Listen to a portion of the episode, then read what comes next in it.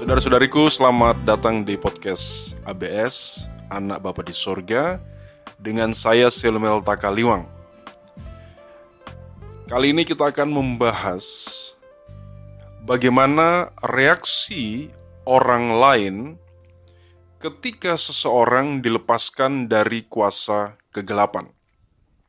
Ada beberapa macam reaksi, dan mungkin kita berpikir bahwa kebanyakan reaksinya itu adalah katakanlah positif, ya, reaksi yang baik. Tapi kalau kita lihat baik di dalam firman maupun di dalam kehidupan saat ini, dalam pelayanan-pelayanan juga yang saya pernah lakukan, ternyata tidak semuanya demikian. Ya. Nah, kita akan lihat beberapa reaksi dari orang lain. Ya. Yang pertama ini yang baik dulu. Dalam Markus 1 ayat 27 dikatakan demikian. Mereka semua takjub sehingga mereka memperbincangkannya. Katanya, apa ini? Suatu ajaran baru? Ia berkata-kata dengan kuasa, roh-roh jahat pun diperintahkannya dan mereka taat kepadanya.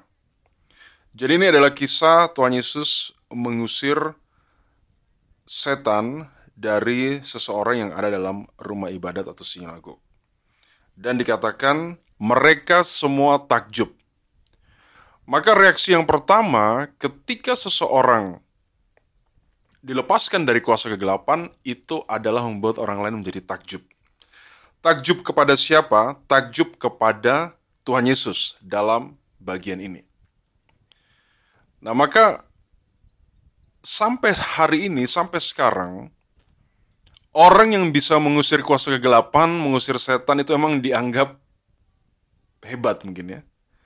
Dianggap luar biasa ya. Punya kuasa dan membuat orang lain takjub. Nah, ini reaksi yang pertama. Kemudian reaksi yang berikutnya adalah takut. Kalau kita baca dalam kisah orang di Gerasa dalam Lukas 8 ayat 35 dikatakan demikian dan keluarlah orang-orang untuk melihat apa yang telah terjadi. Ini maksudnya orang yang gila yang kerasukan itu dia disembuhkan Tuhan, diusir setan yang bernama uh, Legion. Lalu dikatakan mereka datang kepada Yesus dan mereka menjumpai orang yang telah ditinggalkan setan-setan itu duduk di kaki Yesus ia telah berpakaian dan sudah waras. Dan dikatakan, maka takutlah mereka. Ya, ini aneh ya. Justru orang ini sembuh, yang tadinya dia berkeliaran di kuburan, punya kuasa yang kuat, tenaga yang kuat untuk memutuskan rantai-rantai ketika dia sembuh, malah orang-orang yang ada di kampung sekitarnya itu, malah mereka menjadi takut. Jadi kita tidak selalu berpikir bahwa semua orang akan takjub, heran, tetapi ada orang justru malah menjadi takut. Karena bisa banyak faktor. Melihat orang yang dulunya kerasukan, dulunya mengerikan, ya orang tidak berani lewat jalan itu, tetapi justru mereka uh, mungkin mereka takut apakah ini benar gitu ya. Bagaimana kalau tiba-tiba dia gila lagi? Nah ini ini yang terjadi. Kemudian yang berikutnya dalam Matius pasal 9 ayat 34 Ketika Tuhan Yesus menyembuhkan seorang bisu maka orang Farisi menuduh Tuhan dikatakan dengan kuasa penghulu setan ia mengusir setan. Jadi yang Tuhan Yesus terima adalah tuduhan bahwa ia mengusir setan dengan kuasa penghulu setan. Dalam Markus pasal 3 ayat 22 di situ dikatakan ahli-ahli Taurat datang dari Yerusalem dan berkata, ia kerasukan Belzebul.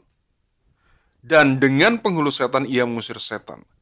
Jadi Tuhan Yesus yang membebaskan orang yang uh, diikat oleh setan, dikuasai oleh setan, itu dituduh kerasukan dan mengusir setan dengan penghulu setan. Malah kalau kita lihat dalam ayat yang ke-21 Tuhan Yesus dikatakan tidak waras lagi, justru oleh kaum keluarganya. Jadi kita melihat ini sesuatu yang tidak enak ya, tidak mengenakan menerima tuduhan, dianggap tidak waras, dibilang kerasukan Belzebul, lalu dibilang uh, dengan penghulu setan, Tuhan Yesus mengusir setan. Nah inilah yang terjadi pada waktu pelayanan Tuhan Yesus. Dan kemudian dalam pelayanan Paulus dalam kisah Rasul pasal yang ke-16 ayat ke-19 dikatakan demikian. Ketika tuan-tuan perempuan itu melihat bahwa harapan mereka akan mendapat penghasilan lenyap, mereka menangkap Paulus dan Silas lalu menyeret mereka ke pasar untuk menghadap penguasa dan akhirnya mereka dimasukkan ke dalam penjara. Jadi, Paulus mengusir setan dari hamba perempuan yang berseru kepada Paulus dan Silas. Orang-orang ini adalah hamba Allah yang maha tinggi. Mereka memberitakan kepadamu jalan keselamatan. Dan Paulus justru merasa terganggu dalam ayat 18. Dan di situlah dia mengusir. Tetapi karena hamba perempuan ini memiliki roh tenung, merupakan mata pencarian bagi tuan-tuannya. Karena orang datang kepada mereka, minta untuk ditenung, dan setan berbicara melalui perempuan ini. Tuan-tuannya mendapatkan uang.